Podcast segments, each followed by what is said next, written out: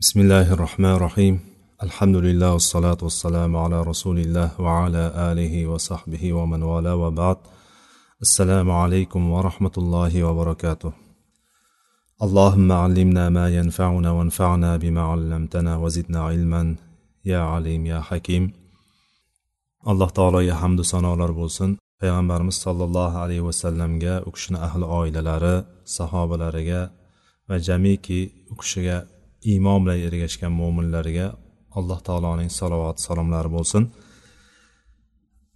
Biz aqidadan qilayotgan darsimizni al vajiz fi aqidati salaf solih degan kitobdan e, o'qib kelayotgandik. Mana shu kitobni o'qishlikni davom ettiramiz. O'zbekcha kitobdan kuzatib kelayotganlar e, bo'lsa o'n to'qqizinchi betga kelib to'xtagan ekanmiz. Biz hali ham zaruriy ta'riflar haqida gaplashayotgandik. Zaruriy ta'riflarda muallif hafizahulloh salaflarni boshi kim? Salaflarni rahbari imomi kim? Undan keyin kimlar? Undan keyin kimlar? degan so'zga to'xtalayotgandi o'tgan safar payg'ambar sollallohu alayhi vasallamni salafi solihlarning imomi ekanligi haqida gaplashgandik. Ya'ni o'shanga muallif keltirgan dalillari bilan tanishib chiqqandik. Bugun inshaalloh o'shani kelgan joyidan davom ettiramiz. Payg'ambar sollallohu alayhi vasallamdan keyin salaflarning eng afzallari eng fazilatlilari sahobai kiromlar hisoblanadi. Alloh taolo ularni barchasidan rozi bo'lsin. Sahobalar payg'ambarimiz sollallohu alayhi vasallam bilan birga bo'lgan kishilar. Sahoba deganda kimlarni tushunamiz? Sahoba deganimiz hammamizga ma'lum ya'ni dars bo'layotganligi uchun yana bir bor eslatib o'tib ketamiz. Sahobalar payg'ambarimiz sollallohu alayhi vasallam davrida yashagan va u kishini bir marta suhbatida bo'lgan u kishi bilan ko'rishib ya'ni payg'ambarimiz bilan ko'rishib u kishini suhbatida bo'lgan iymon keltirib va iymonda vafot etgan kishini ya'ni musulmon holatida vafot etgan kishini biz sahoba deymiz. Ya'ni islomda o'lgan shartini qo'sh oxirgi shart ham qo'shilyapti o'sha shartini qo'shayotganligimizdan payg'ambarimiz sollallohu alayhi vasallam vafot etganlaridan keyin ba'zilar islomga yangi kirganlar islomdan qaytib ketganligini bilamiz. Arablarda yangi kirganlar hali qalbiga iymon o'rnashmagan iymoni zaif bo'lgan kishilar islomdan qaytib ketib qoldi. Hatto yolg'onchi payg'ambarlar chiqdi. Bu tarixni siyratdan bilamiz hammasini. Bunga kirmaymiz bunga to'xtalmaymiz. Ya'ni demoqchi bo'lganim payg'ambarimiz sollallohu alayhi vasallam oxirgi hajlarida o'zi bir marta haj qilganlar. Payg'ambarimiz umrlarida oxirgi yillarida bir marta haj qildilar keyingi hajgacha yetib bormadilar. O'sha hajda payg'ambarimiz sollallohu alayhi vasallam vidolashuv xutbasini qilganlar. O'sha xutbada rivoyatlarda keladiki yuz ming atrofida yoki yuz mingdan ko'proq kishi bo'lgan to'plangan. Ya'ni bundan ko'rinadi o'sha paytda sahobalarni sonini hajda yig'ilgan kishilarni hammasini oladigan bo'lsak yuz mingdan ortiq sahoba bor. Ya'ni yuz ming atrofida deydigan bo'lsak ozgina ko'p yoki ozgina kam yuz ming atrofida sahoba bo'lgan. Lekin kitoblarimizda uni hadis rivoyat qilganligi yoki ismlari bilinganlari biroz kamroq. Ya'ni shunga sharti bo'lyaptiki payg'ambarimiz sollallohu alayhi vasallam bilan ko'rishgan iymon keltirgan bu yerda bir yil yashagan yoki o'n kun birga bo'lgan bir kun birga bo'lgan emas payg'ambarimizni suhbatini bir marta suhbatini eshitgan ma'lum bir payt bir marta bo'lsa ham suhbatini yonida turib eshitgan iymon bilan yashab iymonda vafot etgan kishini biz sahoba deymiz. Ularni ham sahobalarni ichida ham o'zlarini darajalari bor. Sahobalarni darajalari bor. Sahobalarni eng oldinda kelganlari payg'ambarimiz sollallohu alayhi vasallamni ikki sahobasi.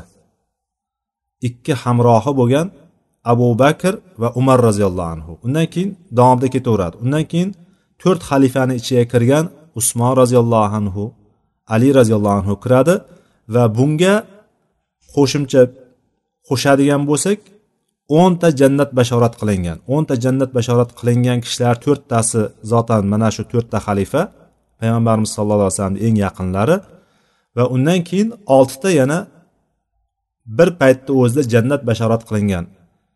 O'n jannat bashorat qilingan kishi degan paytda payg'ambarimiz sollallohu alayhi vasallam o'ntalasini nomini ketma ket sanab abu bakr jannatda umar jannatda usmon jannatda ali jannatda sad jannatda said jannatda deb turib bitta bitta sanaganlar.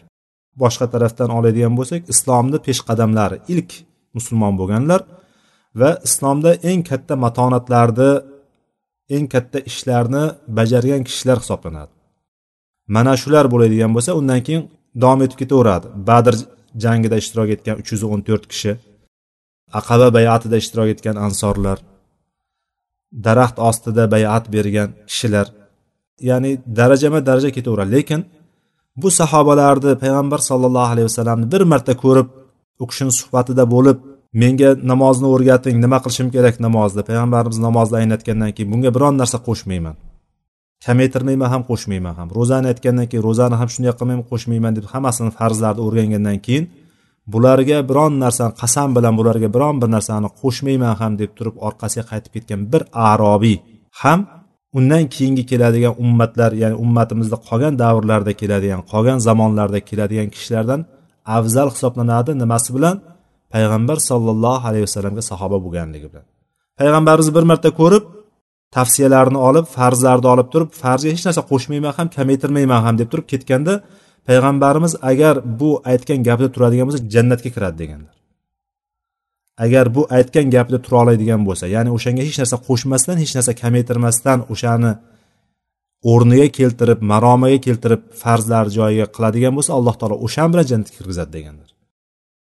Payg'ambarimizdan keyingi o'rinda turadigan ummatning eng afzali salafi solihlarning ham eng afzali payg'ambarimizdan dinni bevosita olgan ixlos bilan sadoqat bilan payg'ambarimiz sallallohu alayhi vasallam dinni bevosita olgan kishilar hisoblanadi sahobalar hisoblanadi. Alloh taolo oyatda aytadiki ular haqida audu billahi minash shaytonir rojim minal mu'minina rijalun sadaqu ma ahadullohi alayh faminhum man qada nahbahu va minhum man yantadir va ma baddalu tabdila.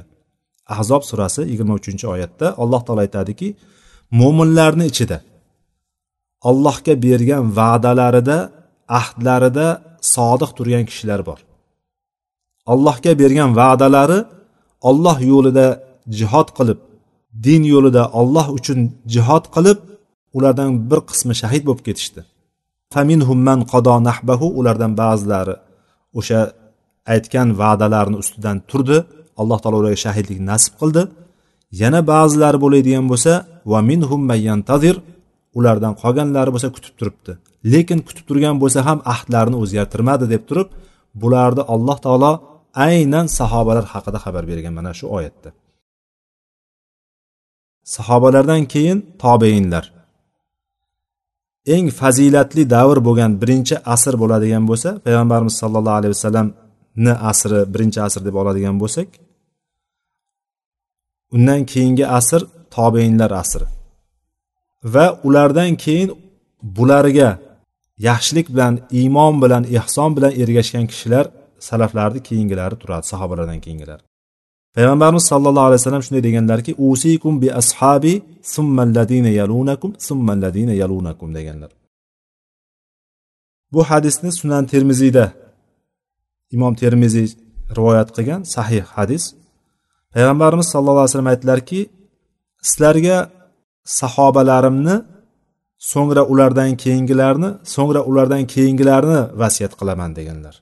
Ya'ni sahobalarimni ushlanglar sahobalarim yurgan yo'ldan ularni aytgan din haqidagi aytgan e'tiqodiy amaliy har bir narsasini ulardan olinglar. So'ngra ulardan keyingilardan so'ngra ulardan keyingilardan deb turib payg'ambarimiz sallallohu alayhi vasallam tavsiya qilib vasiyat qilib ketganlar. Boshqa bir hadisda bo'ladigan bo'lsa buni buxoriy va muslimdan kelgan hadisda xoyrun nasi qorni summaladina yalunahum summaladina yalunahum deganlar. Insonlarning eng yaxshisi insonlarning asr insonlar yashaydigan asrlarning eng yaxshisi mening yashagan asrim deganlar. Qorniy deganlar. Men yashagan asr insonlar insoniyat tarixidagi eng yaxshi insonlar mana shu mening asrimdagilar. Ya'ni payg'ambarimiz sallallohu alayhi vasallamni asridagilardi degandan sahobalar. Chunki payg'ambarimiz asrida payg'ambarimiz davrida yashagan abu jahl abu lahablar ham bor edi. Yoki munofiqlarni kattalari bor edi. Bu tarafda fors kisro boshqa ummatlar ham bor edi. Biz hammasini umumiy qilib aytib yubormayapmiz bu yerda aytayotganimizda e'tibor beradigan joyimiz payg'ambarimiz sallallohu alayhi vasallam odamlarning eng yaxshisi odamlar ichidagi eng yaxshi ummat mening men bilan yashagan qorniy deganda meni asrimda yashaganlar davrimda yashaganlar degandan iymon bilan menga iymon keltirib yashaganlar degan ma'no chiqadi o'z o'zidan undan keyingilar so'ngra bulardan keyingilar so'ngra bulardan keyingilar deb turib payg'ambarimiz sallallohu alayhi vasallam mana shu yerda uchta asrni sanaganlar yuqorida ham aytgandikki bu asrni biz bilamiz asri saodat deb turib eng baxtiyor bo'lgan insonlardir. Shundan ko'rinadiki sahobalar va tobeinlar ergashishlikka dindagi ergashishlikka eng haqli bo'lgan insonlar mana shular bo'ladi. Dinimizda ergashishlikka eng haqli bo'lgan insonlar albatta payg'ambar sallallohu alayhi vasallam so'ngra sahobalar va tobeinlardir. Chunki ularni sababi bor. Nimaga bularga biz ergashamiz? Chunki sababi ular iymonlarida sadoqatli bo'lganlar. Iymonlarida rostgo'y bo'lganlar. Ichidagi narsa bilan tilidagi narsa yoki amali bir xil bo'lgan. Ibodatlarida ixlosli bo'lgan. Aqidani qo'riqchilari va din shariatni himoyachilari bo'lgan ular. Va ular so'zu amalda bir xil bo'lgan so'zu amalda bir xil bo'lgan kishilar bo'lgan. Mana shuning uchun ham alloh taolo ularni o'zini dinini yoyishlik payg'ambar sollallohu alayhi vasallamni sunnatlarini va shariat olib kelgan shariatini butun insoniyatga tabliq qilishlik ya'ni yetkazishlik uchun tanlab oldi alloh taolo. Undan keyingi davrlarda har qancha katta olimlar yashagan bo'lishligi mumkin. Va bugungi kunda ham katta katta olimlar yo'q emas bor. Lekin alloh taolo bu olimlarni o'sha davrda yashatmadi. O'sha davrda olim bo'lmagan bo'lsa ham payg'ambar sallallohu alayhi vasallamni ko'rib u kishini safida u kishini bayrog'ini ostida jihod qilgan kishilar u kishini bayrog'ini ostida yurgan kishilar u kishi bilan birga ro'za tutgan u kishi bilan birga qiynalgan u kishi bilan birga yurganlar undan keyingi asrlarda undan keyingi davrlarda yashagan har qancha katta olim bo'lsin bo'lsa bo'lsin ulardan ming chandon afzaldir. Mana shuning uchun biz ahli sunna va jamoa e'tiqodida sahobalar eng oldinda turadi. Biz dinimizni agar ular bizga yetkazmaganda bizga yetib kelmasdi dinlar.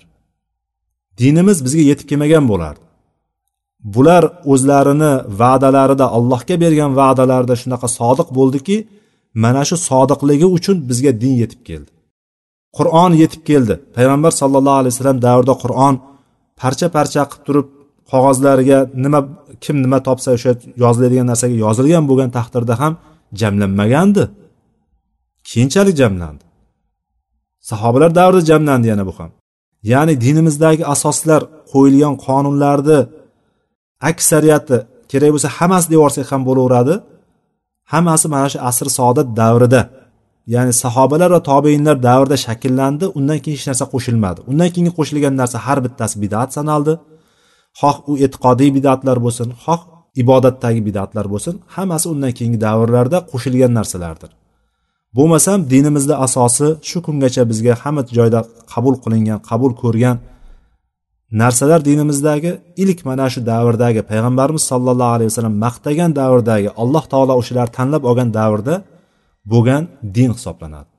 Shuning uchun alloh taolo al yawma akmaltu lakum dinakum degan bugun sizlarga dinlaringizni komil qilib berdim degan payg'ambarimiz sallallohu alayhi vasallam hayotlik paytida qur'on tushgan oxirgi oyatlardan eng oxirgi emas oxirgi nozil bo'lgan oyatlardan biri bugun sizlarga dinlaringizni komil qildim degan. Hadisda payg'ambar sallallohu alayhi vasallam aytadilar abdulloh ibn amr roziyallohu anhudan rivoyat qilinyapti تفترق أمتي على ثلاث وسبعين ملة كلهم في النار إلا ملة واحدة mening ummatim yetmish uchta firqaga bo'linib ketadi bu yerda millat kelyapti millat kalimasi firqa guruh din ma'nolariga jamoat ma'nolariga keladi bu yerda biz firqa yoki jamoat ma'nosini olamiz mening ummatim yetmish uchta firqaga bo'linib ketadi yetmish uchta jamoatlarga bo'linib ketadi kulluhum finnar hammasi do'zaxda dedilar. Hammasi do'zaxga kiradi. Nima uchun? Bular e'tiqodda payg'ambar sollallohu alayhi vasallam olib kelgan e'tiqodda bo'lmaganligi uchun manhajda boshqa yo'lda bo'lganligi uchun. Hammasi do'zaxda magaram bittasigina bitta jamoatgina najot topadi dedilar do'zaxda emas dedilar. Bittasidan boshqa hammasi do'zaxdadir dedilar. Shunda sahobalar man hiya ya rasululloh? Qola ma ana alayhi va ashabi dedilar. Shunda sahobalar so'radiki ey allohning rasuli ular kimlar? O'sha bitta do'zaxga kirmasdan najot topib qoluvchi boshqa rivoyatlarda firqatun najiya deb keladi. Najot topuvchi firqa najot topuvchi jamoa kimlar deb so'radilar. Shunda payg'ambarimiz aytdilarki ma ana alayhi va ashabi. Men va sahobalarim uning ustida bo'lgan dinda yurganlar dedilar. Men va sahobalarim qaysi aqidada bo'lsa o'sha aqidada bo'lganlar qaysi amal ustida bo'lgan bo'lsa o'sha amalda yurganlar qaysi yo'lda yurgan bo'lsalar o'sha yo'ldan yurganlar deb turib payg'ambarimiz sollallohu alayhi vasallam men va orqasida nima deyapti? Va ashabiy deyapti. Bu yerda muallifni keltirgan dalili bu yerga. Sahobalarni ko'rsatyapmiz sahobalar haqida gapiryapmiz. Sahobalar ummatning eng afzali deb aytdik ergashishlikka eng haqli bo'lgan insonlar deb aytdik salaf solihlarni eng afzallari ekanligini aytdik. Mana bunga dalil nima bo'lyapti? Payg'ambarimiz aytyaptilarki hamma do'zaxga kirib ketadigan hamma jamoatlar do'zaxga qarab ketayotganda bittagina jamoa do'zaxdan qutulib qoladigan bo'lsa o'sha jamoani sifati nima bo'lar ekan payg'ambarimiz sollallohu alayhi vasallam va u kishini sahobalari yurgan yo'ldan yuradiganlar. Ular e'tiqod qilganday e'tiqod qiladiganlar. Ular amal qilgandek amal qiladigan kishilargina najot topadi ekan. Mana shu yerdan demak sahobalarni payg'ambarimiz sallallohu alayhi vasallam alohida zikr qildilar. Kim salaf solihga iqtido qilib ularga ergashadigan bo'lsa ular yurgan yo'ldan yuradigan bo'lsa ularga nisbat qilinib turib o'sha salafi solihga nisbatan boshqa ularga xilof qilgan yo'llardan ularni manhajdan boshqa yo'lda yurganlarga yurganlardan ajralib tursin deb turib ularga nisbatan salafiy degan so'z ishlatiladi deyapti. Salafiy degan so'z. Boshqa ya'ni salaflarga xilof qilgan kishilarni yo'ldan ajralib turishlik uchun salaflarni yo'lda yurganlarga nisbatan qo'yilgan ism bo'ladi deyapti. Chunki alloh taolo qur'onda aytganki salafni yo'liga ya'ni salafi solihlarni yo'liga islom ummatini ilk peshqadamlarni yo'liga xilof qilganlarni alloh taolo jahannamga dohil qilamiz jahannamga kiritamiz deb turib uni xohlagancha qo'yib qo'yamiz o'zini adashgan yo'lida keyin jahannamga kiritamiz deb va'da qilgan. Aytadiki alloh taolo rasula min ba'di ma tabayyana lahul huda va yattabi' ghayra sabilil mu'minina nuvallihi ma tawalla va nuslihi jahannam va sa'at masira deydi. Kim unga hidoyat aniq ochiq bo'lgandan keyin payg'ambarga ya'ni payg'ambar sollallohu alayhi vasallamga xilof ish qilsa qarshi teskari yo'lni tutadigan bo'lsa va mo'minlarning yo'liga ergashmaydigan bo'lsa mo'minlarning yo'lini qo'yib boshqa yo'llarga ergashadigan bo'lsa uni ketganicha qo'yib beramiz deydi. Qancha adashib ketadigan bo'lsa qancha o'zini zalolat bidatlariga qarab kirib ketaveradigan bo'lsa shuncha qo'yib beraveradi alloh taolo. Qo'yib beraveradiki oxiri jahannamni tubiga qarab kirib ketib qoladi. Alloh hammamizni bundan saqlasin. Va olloh aytadiki va nuslihi jahannam va saat masiro naqadar yomon joy. Saat masiro boriladigan joyning eng yomonidir. Bunchalar yomon bo'lmasa deb turib alloh taolo niso surasini bir yuz o'n beshinchi oyatida aytyapti. Shundan ko'rinadiki har bir musulmon boshqalarga o'zini rostgo'y qilib ko'rsatishligi mumkin o'zini mo'min qilib ko'rsatishligi mumkin o'zini ibodatgo'y taqvodor qilib ko'rsa xudojo'y qilib ko'rsatishligi mumkin lekin yakka qolgan paytda o'zini haqiqiy ichidagi narsa o'ziga bilinadi. O'zi biladi inson. Chunki alloh taolo alhamaha fujuraha va taqvoha degan. Biz insonga har bir nafsga taqvosi yo'lini ham yaxshilik yo'lini ham va fujur yo'lini ham ilhomlantirib qo'yganmiz. Ya'ni inson o'zini kim ekanligini yaxshi biladi. Inson o'zini kim ekanligini yaxshi biladi. Ya'ni bu yerda demoqchi bo'lganimiz inson o'zi bilan agar sodiq bo'ladigan bo'lsa iymonida sodiq bo'ladigan bo'lsa va robbisi bilan sodiq bo'ladigan bo'lsa ana o'sha kishi salafi solihlarga nisbatlanishlik bilan va ularni yo'liga amal qilishlik ularni yo'lidan yurishlik bilan faxrlanadi. Mana shunday kishi ya'ni o'ziga sodiq bo'lgan o'zini iymonda sodiq bo'lgan va robbisi bilan sodiq bo'lgan kishi. Salaflarga nisbatlanishlik bilan salaflarga mansubligi bilan ya'ni bu salafiy degan nomni olishlik va ularni yo'lidan yurishlikka o'shalarni yo'lida amal qilishlikka o'shan bilan faxrlanadi. Salafiya lafzi istilohiy va ilmiy ma'noda salafi solih yo'lini bir ismi o'laroq qo'llaniladi.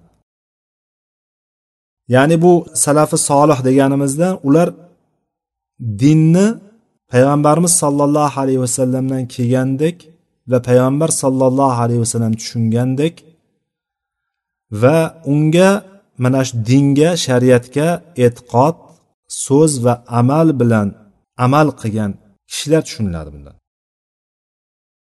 Bundan ko'rinadiki demak salafiya tushunchasi salafiya tushunchasi alloh taoloning kitobi va payg'ambarimiz sollallohu alayhi vasallamni sunnatida sobit bo'lgan narsalar sahiy sunnatda sobit bo'lgan narsalarga to'liq ergashishlik to'liq ushlashlik sodiqlik bilan ochiqlik bilan zohiran ham botinan mana shu narsalarni to'liq amal qilishlik tushuniladi o'shanga rioya qilishlik tushuniladi. Uchta asrda bo'lgan ilk asrlarda bo'lgan kishilar dinga biron bir o'zgartirish kiritmadilar. Unga bidatlarni qo'shmadilar. Va kimgadir bir fitnalarga yoki kimnidir fikrlari havo fikr havolariga yoki kimni kimlarnidir mazhab ko'rishlariga mazhab fikrlariga mutaassiblik qilmadi ular. Mutaassiblik degani mahkam yopishib olib turib boshqasini umuman inkor qilishlik degani. O'shanday qilmadilar ular. Salafi solih tushunchasidan keyin endi ahli sunna val jamoa degan so'zga bir biz ma'nosi bilan tanishligimiz kerak sunnat nima jamoat nima deganini. Chunki kitobimiz nomi al vajiz fi aqidati salafi solih ahli sunna val jamoa edi. Ya'ni bu aqida so'zi bilan tanishdik salafi solih so'zi bilan tanishdik. Endi ahli sunna val jamoa degan so'z bilan tanishamiz inshaalloh. Sunnat so'zi lug'aviy ma'nosi qilingan bir narsa ma'nosida ishlatiladi. Qilingan bir narsa ma'nosida. Qilingan ish ma'nosida. Arablar sanna yasinnu va yasunnu sannan deb aytadi. Ya'ni shu bir narsa qilingan narsani bir ishni qilganlik ma'nosida ishni qilishlikni bayon bayoni ma'nosida qo'llaniladi. Sunnat umumiy olgan paytda bir yo'l hisoblanadi. U xoh maqtalgan yo'l bo'lsin xoh mazammatlangan yo'l bo'lsin. Farqi yo'q. Ya'ni insonlar yaxshi ko'rgan bir yo'l bo'lsin yoki yomonlagan bir yo'l bo'lsin farqi yo'q o'sha bir yo'l hisoblanadi. Yo'l degan ma'noni bildiradi. Shuning uchun payg'ambarimiz sollallohu alayhi vasallam aytganlarki hadislarda latattabiunna sanana man kana qablakum shibron bi shibrin va ziroan bi ziroin deganlar. Ya'ni bu yerda sanana deb kelyapti. Sunnat so'zini ko'plik holati kelyapti. Sanan sunan sanan so'zi kelyapti. Bu yerda sizlar o'zlaringizdan oldingilarning yo'llariga bu yerda yo'l ma'nosini beramiz shu yerda. Chunki yuqorida aytdikki sunnat deganimiz u xoh maqtalgan bo'lsin xoh yomonlangan bo'lsin ya'ni yaxshi yomon bo'lsin farqi yo'q. Bir yo'l degani turmush tarzi degani hadisda aytilyaptiki sizlar o'zlaringizdan oldingilarga ya'ni yahud nasorolarga oldingi ummatlarga qarichma qarich izma iz ergashib ketib qolasizlar deyaptilar. Shibron bi shibrin va ziroan bi ziroin qarichma qarich qadamba qadam ularni yo'liga ergashib ketib qolasizlar dedilar imom buxoriy va muslimni rivoyatida. O'shanda yo'l ma'nosi kelyapti. Ya'ni bu oldingilarni sanan man kana qoblakum degandan murod tariqatuhum fid din va dunyo deyapti. Bu yerda demak faqat din emas ekan bu yerda yo'l deganimizdan demak din va dunyo yo'llarini hammasini o'z ichiga olib ketib qoladi. Ularni dunyo va din ishlaridagi yo'llariga ergashib ketib qolasizlar ular qanaqa kiyim kiysa shunaqa qilib kiyim kiyib ketib qolasizlar. Sochini qanaqa qilib turib kestiradigan bo'lsa sochini qanaqa qilib turib oldiradigan bo'lsa xuddi shunaqa qilib turib oldirasizlar. Bittasi sochini yarmidan boshlab tagini qirib tashlaydigan bo'lsa sizlar ham shunaqa qilasizlar bittasi turmaklab turib kokil qilib turib orqasiga bir narsa bog'lab qo'yadigan bo'lsa erkaklar xuddi shunaqa qiladi. Ayollar ham kimlargadir taqlid qiladi. Hijoblarni boshqacha qilib o'raydi.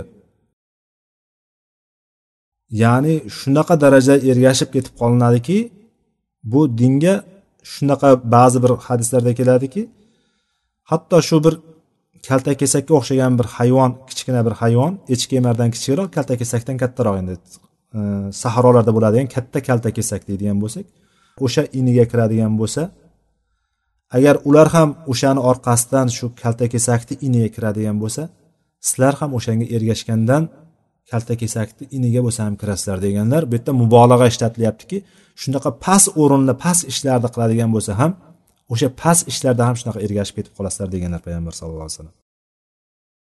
Va boshqa hadisda man sanna fil islami sunnatan hasanatan falahu ajruha va ajru man amila biha ba'dahu min g'ayri an yanqusa min ujurihim shay'un degan.